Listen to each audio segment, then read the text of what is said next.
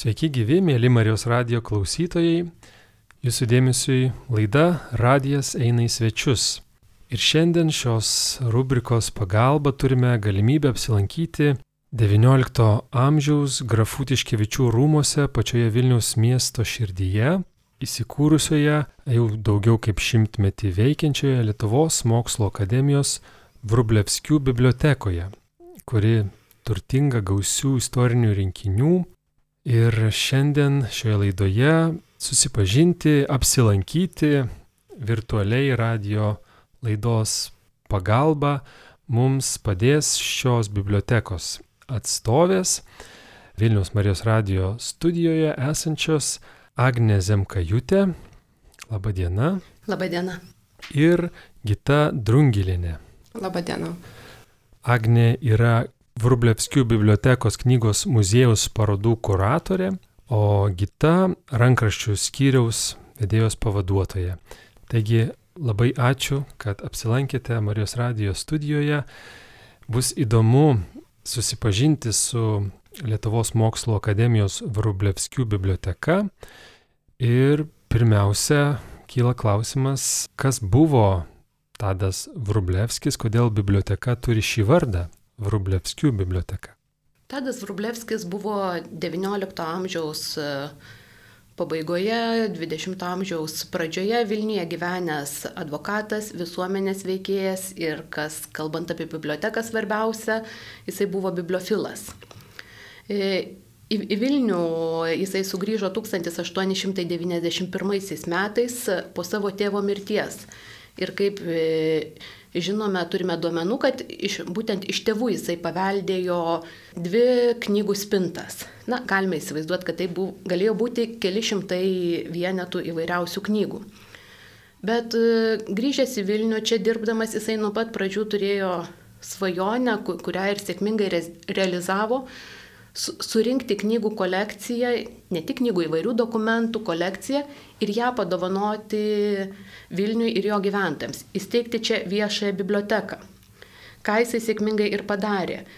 Savo kolekciją jisai labai sparčiai plėtė, supirkdamas ne tik atskirus dokumentus, bet ir ištisas bibliotekas tiek iš bičiulių, tiek iš nuskurdusių bajorų, kuriems tiesiog trūko pinigų Ir kartais net ir labai vertingas knygas jisai sėkmingai nusipirkdavo, o kartais net ir gaudavo dovanų.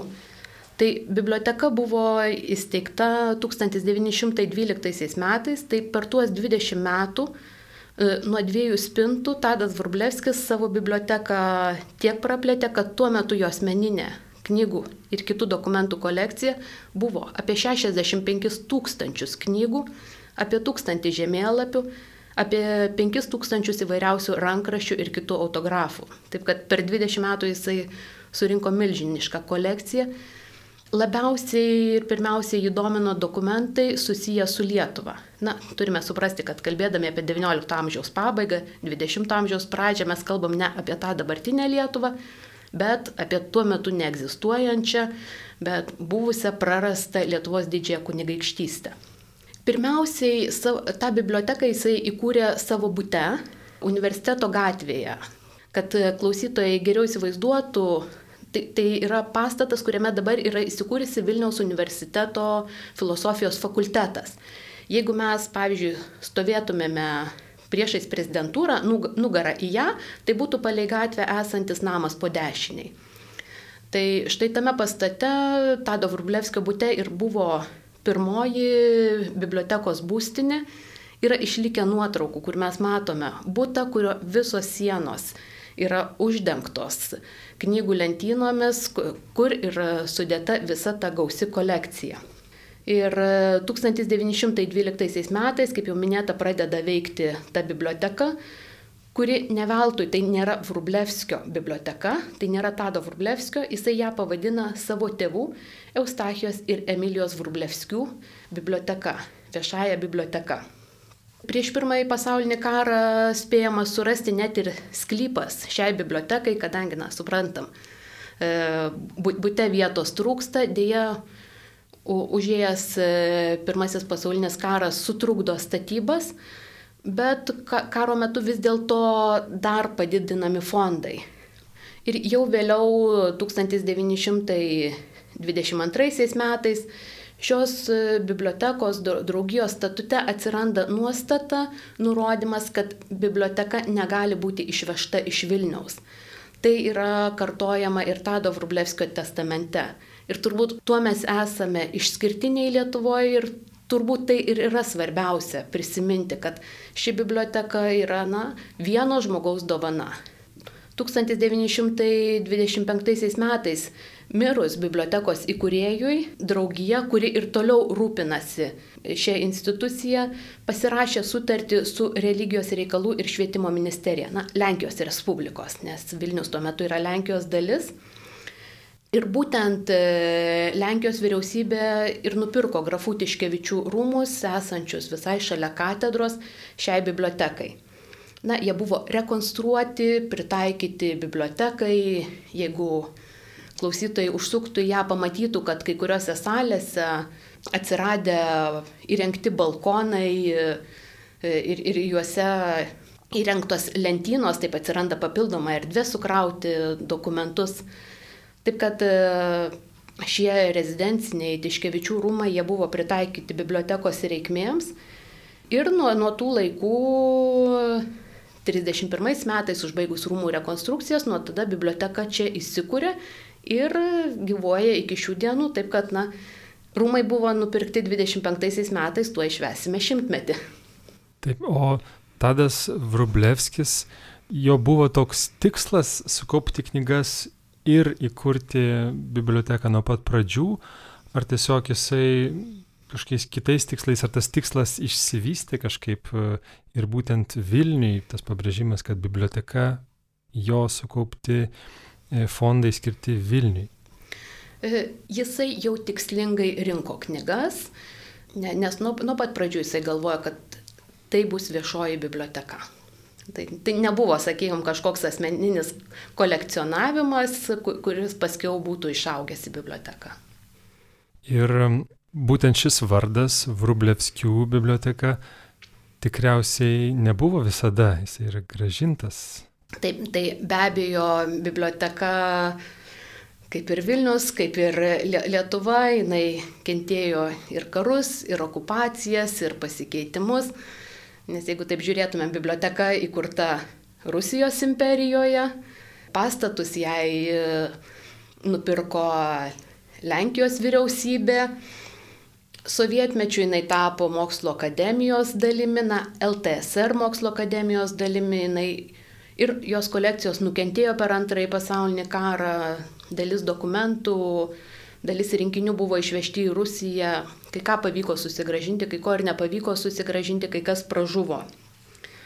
Ir e, jau būtent e, sovietmečių jinai prarado tą savo Vrublevskių vardą ir tik tai 2009 metais jau prie to oficialaus pavadinimo Lietuvos mokslo akademijos biblioteka vėl buvo prijungtas, sugražintas ir įkūrėjo tėvų Vrublevskių vardas. Taip jau paminėjote, kad Vrublevskių biblioteka išsiskiria tuo, kad tai yra vieno žmogaus dovana sukauptos knygos. Kuom dar išsiskiria iš kitų Vrublevskių biblioteka?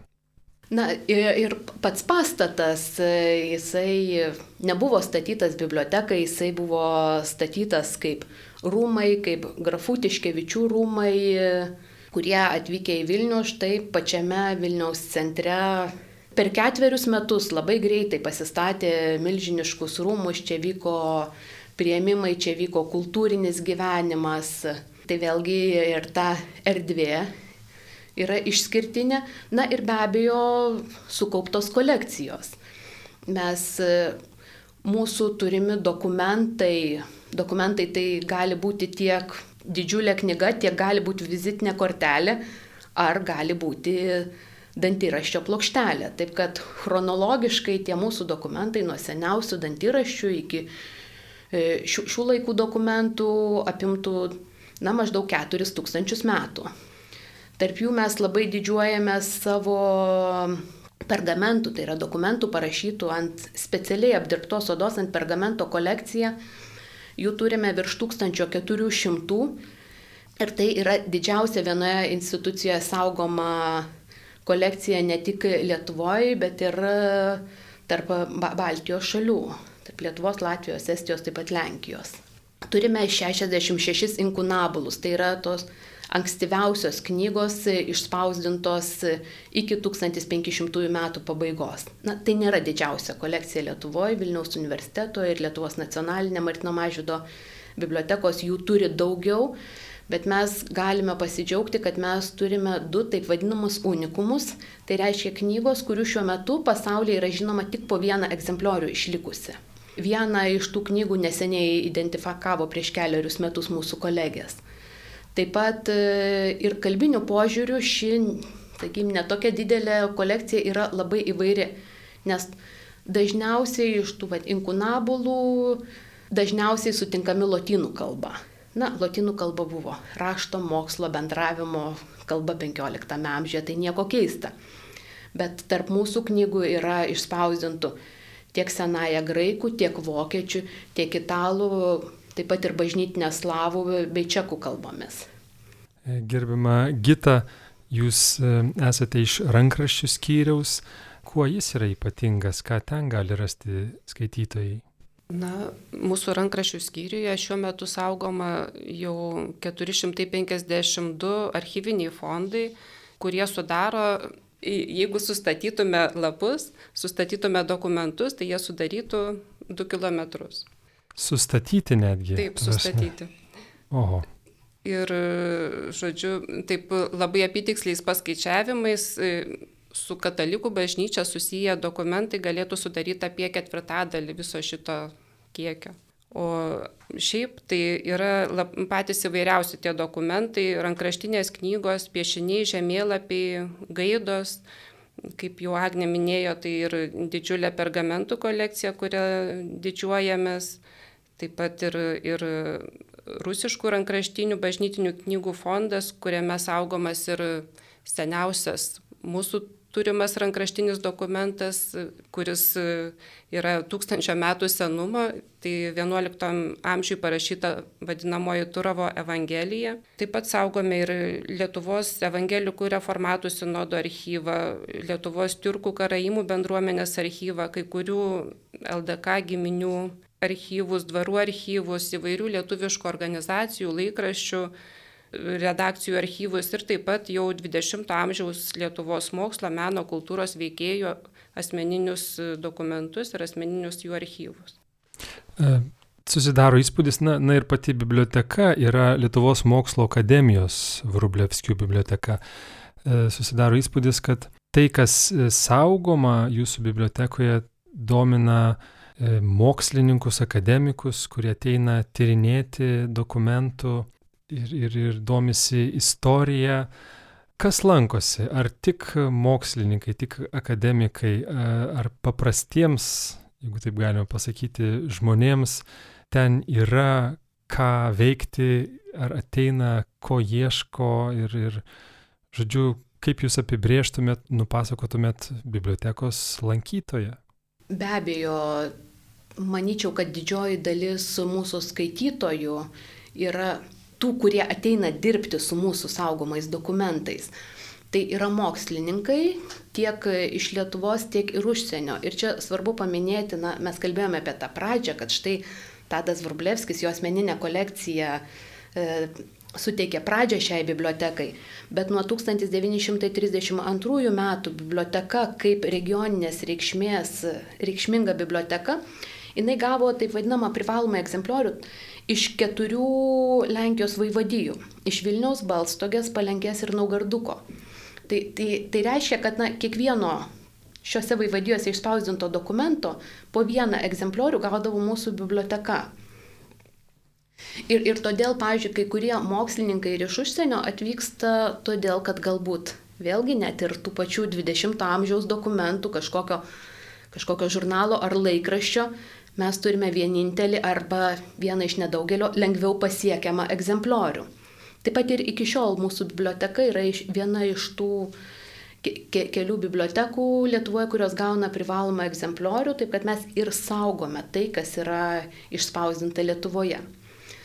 Tai be abejo mes labai džiaugiamės tais mokslininkais, kurie, kurių tyrimų dėka mes iš dalies ir patys sužinome, ką mes saugome kadangi, na, taip mes saugomės, aprašinėjom tuos dokumentus, bet e, būtent specifinės skirtingų sričių mokslininkų žinios jos leidžia geriau suprasti tuos dokumentus, geriau suprasti jų reikšmę.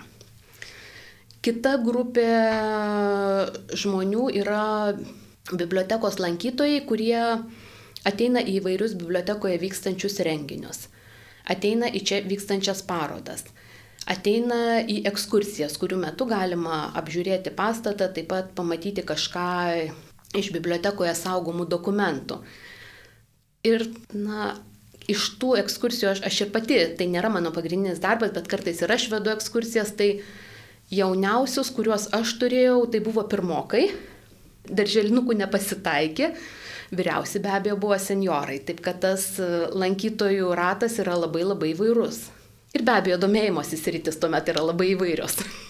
Na, į rankrašių skyrių taip pat ateina patys įvairiausi skaitytojai, tai ne vien tik mokslininkai, bet ir studentai, ir šiaip besidominti žmonės, pavyzdžiui, ir, ir savo, savo giminės šaknimis, ar tiesiog kažkuria tema besidomintis, nes yra taip pat ir, ir 20-ojo amžiaus, tarpukario įvairių dokumentų.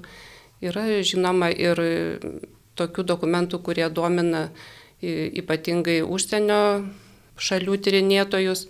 Tai paprastai vasara tai būna tas laikas, kai atvažiuoja daug e, mokslininkų, daug tyrinėtojų iš, iš užsienio šalių, tai ne tik iš kaimininių, bet ir iš tolimesnių ir turim skaitytojų, kurie atvažiuoja ir iš, tarkim, iš kokios Japonijos, Izraelio ar Junktinio Amerikos valstijų. Iš tikrųjų, vien pamatyti tokius e, senus leidinius, kaip jūs minėjot, net ne vieną tūkstantį metų skaičiuojančius yra labai įdomu ir smalsu. Ar tai, žinau, kad biblioteka turi ir muziejų. Ir ar tos dalykus, e, tos pikantiškiausius pamato žmonės muziejuje, ką gali lankytojai pamatyti muziejuje, kas ten eksponuojama? Šiuo metu fizinio muziejaus kaip po tokio dar nėra.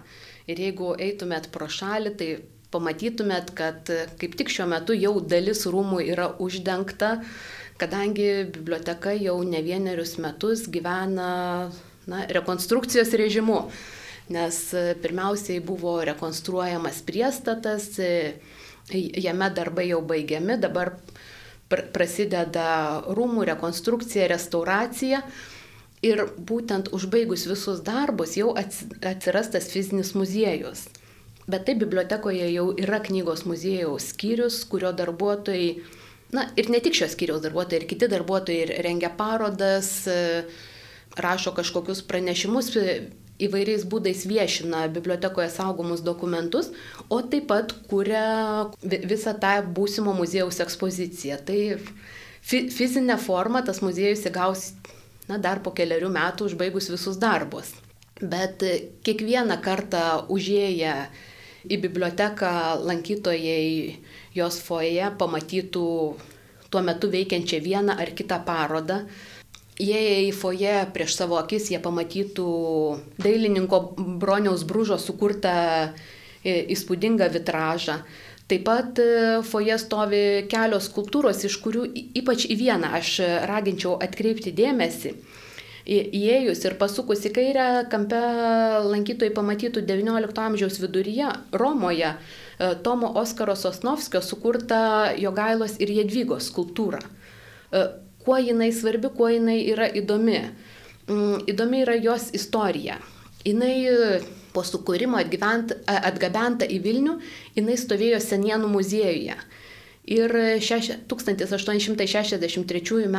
sukilimo tame kontekste tuo metu e, Vilniečiai ir miesto svečiai ėjo prie tos skulptūros ir žinoma, kad neždavo net ir gėlių, taip, na, apgailėdami, apraudodami tą prarastą Lietuvos didžiąją kunigaikštystę, prarastą savo valstybę. Tai nepatiko greta rezidavusiam e, Vilniaus generalgubernatoriui Muravjovui. Na, sakau greta, nes e, Senienų muziejus buvo įsikūręs e, Vilniaus universiteto rūmuose. Jisai įsakė peržiūrėti visas to muziejaus kolekcijas ir ši jo gaila su Jedvyga, taip pat ir kiti eksponatai, viso 68 dėžės buvo išvežti į Maskvą. Ir tik vėliau jau 20-ame amžiuje tas kultūra sugrįžo ir dabar mes ją galime pamatyti mūsų bibliotekoje. Taip kad ne tik žmonės po 63 metų sukilimo, bet ir kultūros vertybės, galima sakyti, buvo ištremiamos. Taip, mėly Marijos radio klausytojai, primenu, kad šiandien laidoje radijas eina į svečius, kalbame apie Vrublevskių biblioteką, įsikūrusią Tiškevičių rūmose, pačiame Vilniaus centre ir pristato, pasakoja apie šią biblioteką knygos muziejaus parodų kuratorė Agne Zemkajutė ir rankraščių skyriaus vedėjos pavaduotoja Gita Drungilinė. Paminėjote, kad visada vyksta įvairūs renginiai, parodos e, bibliotekoje. Dabar galbūt galėtume kažką anonsuoti šį pavasarį, kokius renginius e, ir, ir galbūt kokias parodas galėtų aplankyti atėję į biblioteką skaitytojai ir šiaip besidomintys.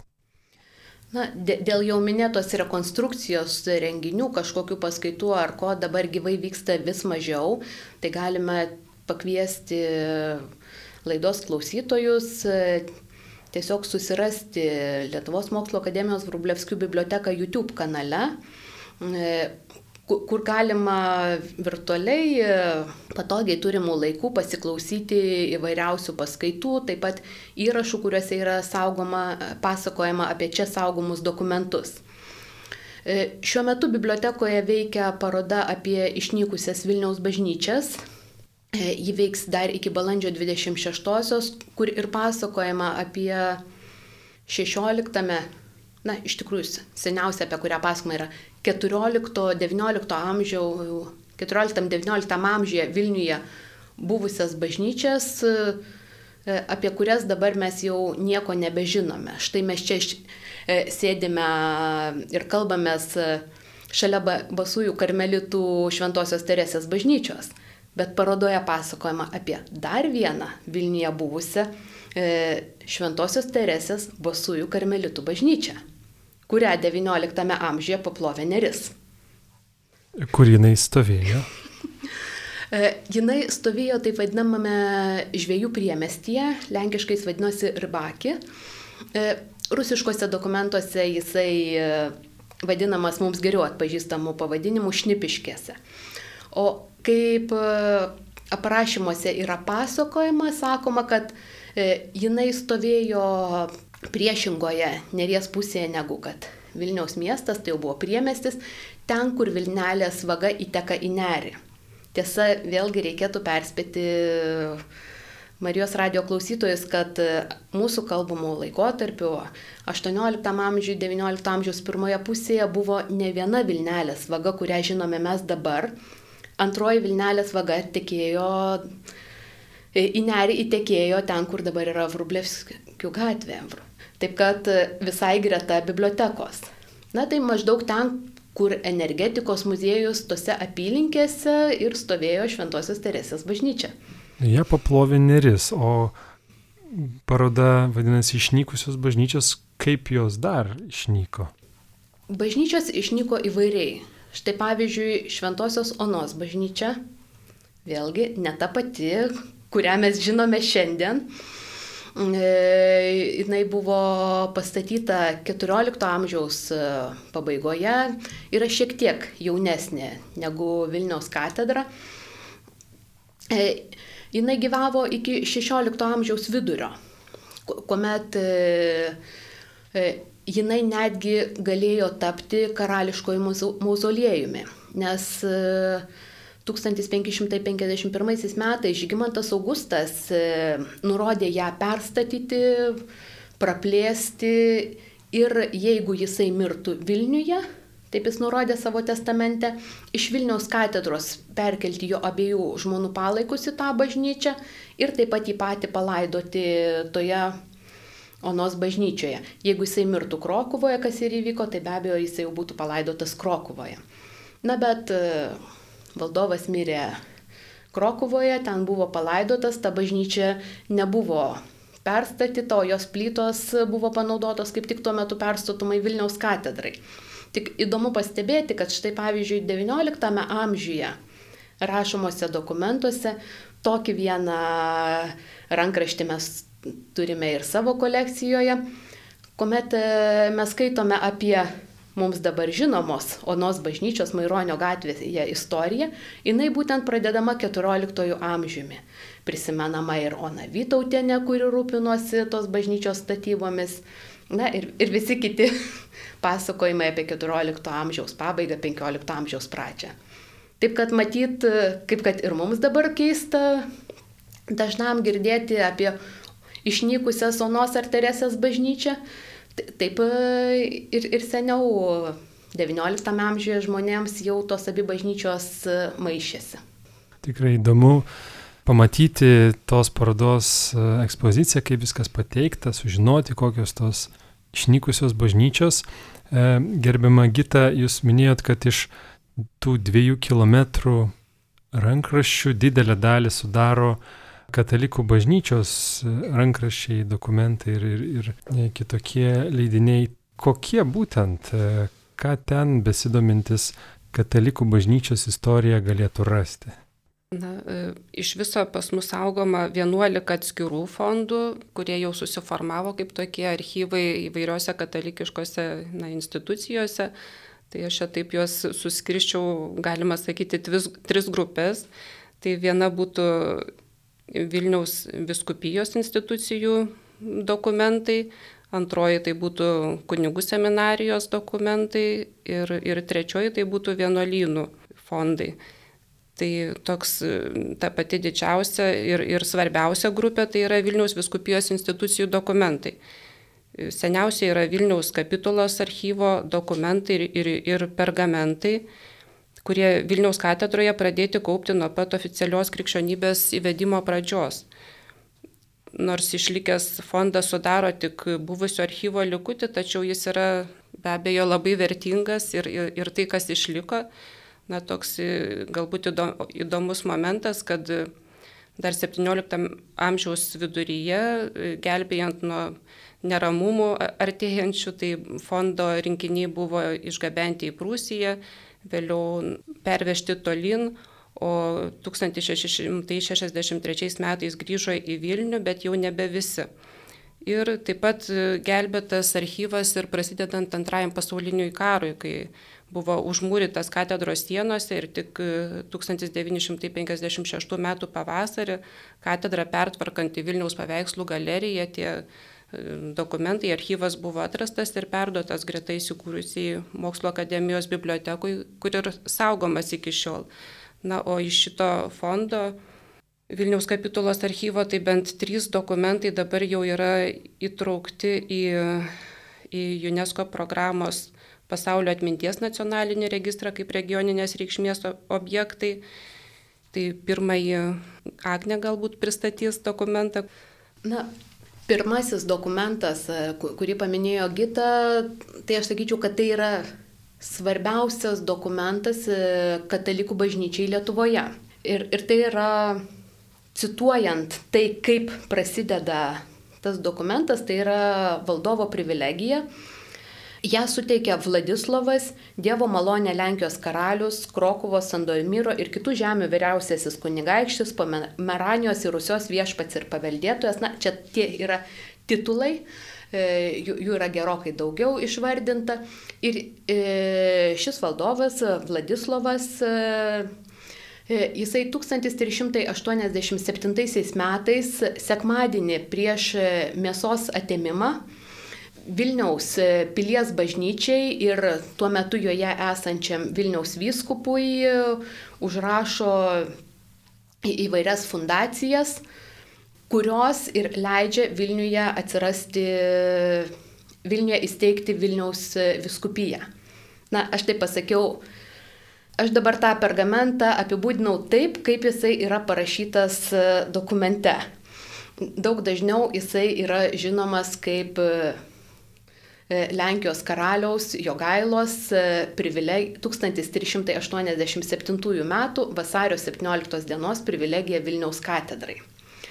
Tik tiek, kad kadangi privilegiją teikia jau krikščionis valdovas, tai jisai ir pasivadina, na, raštininkas taip jį pavadina, už, užrašo ne pagoniškų jogailos, bet jau jo krikšto vardu Vladislovu. E, taip pat mes dažnai sakome, kad tai yra privilegija katedrai. Ka katedra, katedra taps e, po maždaug pusantrų metų, 1388 metų pabaigoje, kai popiežius suteiks tą leidimą. Karalius jisai sudaro prielaidas įkurti viskupiją, jisai užrašo žemės, jisai e, tiek įvairias teritorijas Lietuvoje, tiek taip pat Vilniuje, jisai užrašo tam vyskupui, kuris reziduotų šitoje katedroje, tiek pilyje, tiek Vilniaus mieste pastatus, žemės. Ir, ir data vėlgi, nors mes esame įpratę, kad štai mums aiškiai skamba 1387 m. vasario 17 diena, e, bet e, įvairiuose viduramžių ir vėlesniuose dokumentuose datos buvo rašomos pagal bažnytinį kalendorių. Sekmadienis prieš mėsos atėmimą, tai reiškia sekmadienis prieš gavėnios pradžią. Mėsos atėmimas, nesuprantam, pelenų diena. E, kituose dokumentuose, pavyzdžiui, ir Vytautas ar suteikia privilegiją ir jisai parašo, kad tai yra tų ir tų metų reminiscerė sekmadienis. Tai mes žinome, kad reminiscerė sekmadienis yra antrasis gavėnios sekmadienis. Na, e, tie sekmadienių pavadinimai lotiniški kiekvienas sekmadienis turi savo latinišką pavadinimą, kuris atitinka to sekmadienio įžangos e, gesmės, taip vadinamo introito pradžią. Tai gali būti vienas žodis, tai gali būti keli žodžiai. Ir kadangi na, žmonės gyveno pagal bažnytinį, pagal liturginį kalendorių, tai jie ir skaičiavo arba sekmadieniais, arba kažkokiamis šventėmis. Gali būti paminėtas, pavyzdžiui, Švent, šventasis Petras ir Paulius, mergelės Marijos ėmimas į dangų, šventasis Stanislovas ar dar kažkas, pavyzdžiui, diena po kažkokio šventės arba diena prieš. Taip kad, na, dabar reikia e, mokslininkam tiesiog norintiems sužinoti datą, pasiimti lenteles, pasižiūrėti, kokia diena buvo vienais ar kitais metais, kadangi, kaip žinome, na, bažnytinis kalendorius jisai kilnojasi. Ir, ir taip sužinoma, kokio mėnesio, kokią dieną vienas ar kitas dokumentas buvo parašytas. E, apibendrinant visą tą Vilniaus kapitulos archyvą, tai galima trumpai tik pasakyti, kad jis e, atskleidžia be ne visą krikščionybės Lietuvo istoriją. Tai ir jame saugomos popiežių bulės ir brevės, atlaidų suteikimo raštai, viskupų skirimo dokumentai, Vilniaus katedros kapitulos posėdžių protokolai nuo 1502 metų iki 1940. Tai va atskleidžia 400 metų istoriją ir taip pat ir įvairūs bažnyčių steigimo, aprūpinimo raštai, bažnyčių vienuolynų vizitacijos, inventoriai, siunčiamų relikvijų lydrašiai na, ir taip toliau. Tai, o, o, o kitas toks būtų labai didelis, iš tikrųjų didžiausias rankrašių skyriuje saugomas fondas, tai Vilniaus arkiviskupijos dokumentų kolekcija, kuri sovietmečių iš Švento Jurgio bažnyčioje įsikūrusius knygų rūmus patekę dokumentai ten buvo išsaugoti ir 1988 perduoti Mokslo akademijos bibliotekai. Ir šioje kolekcijoje vėlgi yra jau truputį naujesni dokumentai, dauguma jų yra maždaug nuo 18 amžiaus pabaigos iki 20 amžiaus pirmos pusės dokumentai. Ir jie taip pat atskleidžia visapusiškai tuo metu Vilnius viskupijos, o nuo 1925 metų jau arkiviskupijos istoriją. Tai taip pat tai ir bažnyčių, vienuolynų, religinių draugijų, mokyklų dokumentai, viskupų ir arkiviskupų raštai įvairiais klausimais. Tarp jų yra ir, pavyzdžiui, palaimintojo Jurgio Matulaičio ar Mečislovo Rynio pasirašyti dokumentai. Na, svarbios, žinoma, ir kunigų asmens bylos, jų paskirimo raštai. Ir, pavyzdžiui, kad ir tas asmens bylas įsėkti parapiečių skundai arba kaip tik prašymai neiškelti mylimo klebono, tai net ir praėjus šimtui metų, na, gyvai leidžia pajausti tos parapijos e, atmosferą. apie pačius tikinčiuosius, parapiečius taip pat yra daug medžiagos, tai ir mm, krikšto vedybų, mirties metrikų knygos, vedybų dispensai, skirybų bylos, mm, išpažinties priejusiųjų sąrašai, brolyjų knygos, pavyzdžiui, ta pati populiari XIX amžiaus vidury blaivybės draugija, tai vienoje knygoje, kurią vat, su Agne irgi eksponavome parodoje, Tai vien 1859 metais įsirašė 4690 narių per vienerius metus. Na ir taip toliau. Gal dar svarbu būtų paminėti, kad šioje Vilniaus arkiviskupijos dokumentų kolekcijoje yra ir kai kurių šventųjų ar su jais susijusių dokumentų. Tai pavyzdžiui, Karmelito Rapolo Kalinausko atsiminimų autografas ar palaimintojo kunigo Mykolo Sopočkos raštas Vilniaus kūrijoje dėl mieste sklindančių netikslių žinių apie gailestingojo Jėzaus paveikslo, Dievo gailestingumo novenos, litanijos ir vainikėlio bažnytinę aprobaciją. Dokumentas rašytas 1944 metais. Na ir kitos dokumentų grupės, tai kunigų seminarijos dokumentai yra kunigų seminarijos fondas, patekęs kartu su minėtu arkiviskupijos dokumentų kolekcijos fondu. Tai daugiausiai žinoma medžiagos susijusios su seminarijos dėstytojais ir klierikais, yra jų asmens dokumentai su nuotraukomis ar mokomųjų dalykų programos, kai šalia, tarkim, tokių įprastų, tai bažnyčios istorijos, liturgijos ir ir kitų dalykų galim daug vietos skirta ir rusų kalbos, geografijos, istorijos, rusų literatūros dalykų mokymai. Ir taip pat verta paminėti Peterburgo dvasinės akademijos disertacijų rinkinį. Tai kaip žinome, XIX amžiaus vidury e, Vilniaus viskupų kunigų seminarija tuo metu buvo perkelta į Sankt Peterburgą ir, ir ten e, rašyti mokslo darbai suformavo šitą fondą, kuris vėliau buvo perduotas e, mūsų bibliotekai, tai ten galima rasti seminaristų mokslo darbus, pavyzdžiui, Antano Baranausko ar Jurgio Matulaičio rašytus tuo, tuo metu. O iš vienuolynų fondų, kurie pas mus na, yra sudaro, sudaro, sudaro atskirus fondus, atskirus archyvus, taip galima paminėti Kauno Benediktinių, Kretingos Bernardinų ir Linkuvos Karmelitų vienuolynų archyvus, e, bet žinoma, pačių vienuolynų, įvairiausių vienuolynų ir vienuolyjų dokumentų galime rasti pasklidusių įvairiuose fonduose, kurie jų atskiro kaip archyvo nesudaro, e, nesudaro tokios vientisos kompaktiškos grupės. E, bet pavyzdžiui, kad ir Domininkonų e, vienolyjos dokumentų yra labai daug ir gali na, tiesiog visą Domininkonų vienolyjos, vienolynų Lietuvoje, LDK ir netgi Lenkijos provincijoje.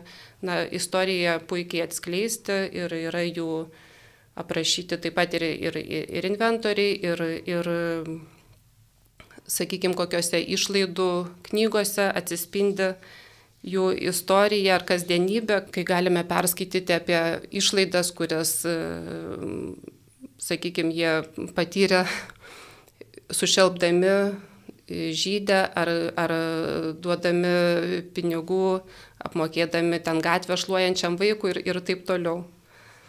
Tikrai labai daug įvairiausių įdomybių pavardinot ir daugeliui žinomas pavardės ir tikrai pamatyti vien, nežinau, jų raštą, jų rašytą tekstą, kažkokį tai pasirašytą dokumentą, vien tai jau būtų smalsu. Laidai baigiantis, kaip jūs, nuo ko rekomenduotumėt pradėti? Niekada nebuvusiam skaitytojui jūsų bibliotekoje, ar galima tiesiog ateiti ir apsižvalgyti pačiuose rūmuose, E, ar čia reikia skaitytojo bileto, tiesiog kaip ką tik susigalvojusiam tapti Vrublevskių bibliotekos skaitytoju, e, nuo ko pradėti? Tiesiog ateiti. Ar dar pasakyčiau, kad išdrysti ateiti. Nes tikrai į ekskursijas būna ateina žmonių, kurie sako, kad eidavau pro šalį, matydavau tokie rūmai, visą laiką pagalvodavau, kaip įdomu, o kas ten viduj. Bet niekad kažkaip neišdrįsdavau užeiti. Tai tikrai raginu išdrysti, praverti duris, užeiti, kad ir einant pro šalį tiesiog pasižvalgyti, pasižiūrėti e, foje veikiančią parodą, Na, o, o jeigu domina kažkokie dokumentai, norisi paskaityti, tai tuomet be abejo tiesiog užsiregistruoti ir tapti bibliotekos skaitytoju. Na, galbūt vėlgi, kuo mes esame, nepasakyčiau, kad išskirtiniai, nes dauguma kažkokių mokslinių didžiųjų bibliotekų taip elgesi, daugum mes savo dokumentų neleidžiame išsinešti į namus. Tai reiškia, kad skaitytojas ateina e, ir jisai užsisakytus leidinius jisai skaito bibliotekoje. Bet jeigu domina kažkoks e, konkretus objektas, e, tai galima tiesiog ateiti, tapti skaitytoju ir, ir skaityti. Žinoma, kažkokio, sakykime, jo gailos privilegijos ar kažkokio kito ypatingo, ypatingai reikšmingo. Galbūt trapesnio objekto mes tikrai kiekvienam skaitytojui neduodame. Ir, ir mokslininkai tai puikiai ir supranta, kurie dirba. E, daug šitų dalykų ir daug šitų dokumentų yra suskaitmeninti. Tiesiog galima mūsų bibliotekos elektroninėme kataloge e, paieškojus susirasti tuos dokumentus, patogiai juos parsisiųsti į savo kompiuterį ir taip skaityti, nes viena vertus mes taip mes ir rodome tos dokumentus parodose, mes juos pristatome. Ir parodose mes, e, e, mūsų dokumentai yra eksponuojami ne tik mūsų bibliotekoje. E, štai ir šiuo metu mūsų dokumentų galima pamatyti ir nacionalinėme muziejuje, ir bažnytinio paveldo muziejuje. Ir įvairūs ne tik Lietuvos, ne tik Vilniaus, ne tik Lietuvos, bet ir užsienio muziejai savo parodoms skolinasi mūsų saugomus dokumentus. Tai mes tiesiog ne visuomet juos duodame, saugodami, nu, norėdami išsaugotos dokumentus. Taip, savame suprantama, bet tikiuosi, kad e, šiek tiek plūstels pas jūs e, pirmą kartą ateinančių žmonių. E, tikiuosi, kad besiklausiusieji laidos susidomės ir išdrys pasmalsauti, užsukti į Lietuvos mokslo akademijos Vrublevskių biblioteką apie kurią šioje laidoje kalbėjome, kurią mūsų laidos viešnios pristatė e, Marijos radio klausytojams. Taigi dėkojame Vrublevskių bibliotekos knygos muziejaus parodų kuratoriai Agnijai Zemkajutei ir rankraščių skyriaus atstoviai Gitai Drungilieniai. Ačiū ir Jums, mėly Marijos radio klausytojai, uždėmesi, kad klausėte šios laidos. Ja vedžiau aš Rimas Macevičius. O paklausyti dar kartą šitos laidos galite visada užėję į marijosradijas.lt tinklapį mediotekoje susirasti ir dalintis, klausyti. Taigi ačiū Jums, Agnė ir Gita, dar kartelį. Atsisveikiname. Sudie. Sudie. Sudie.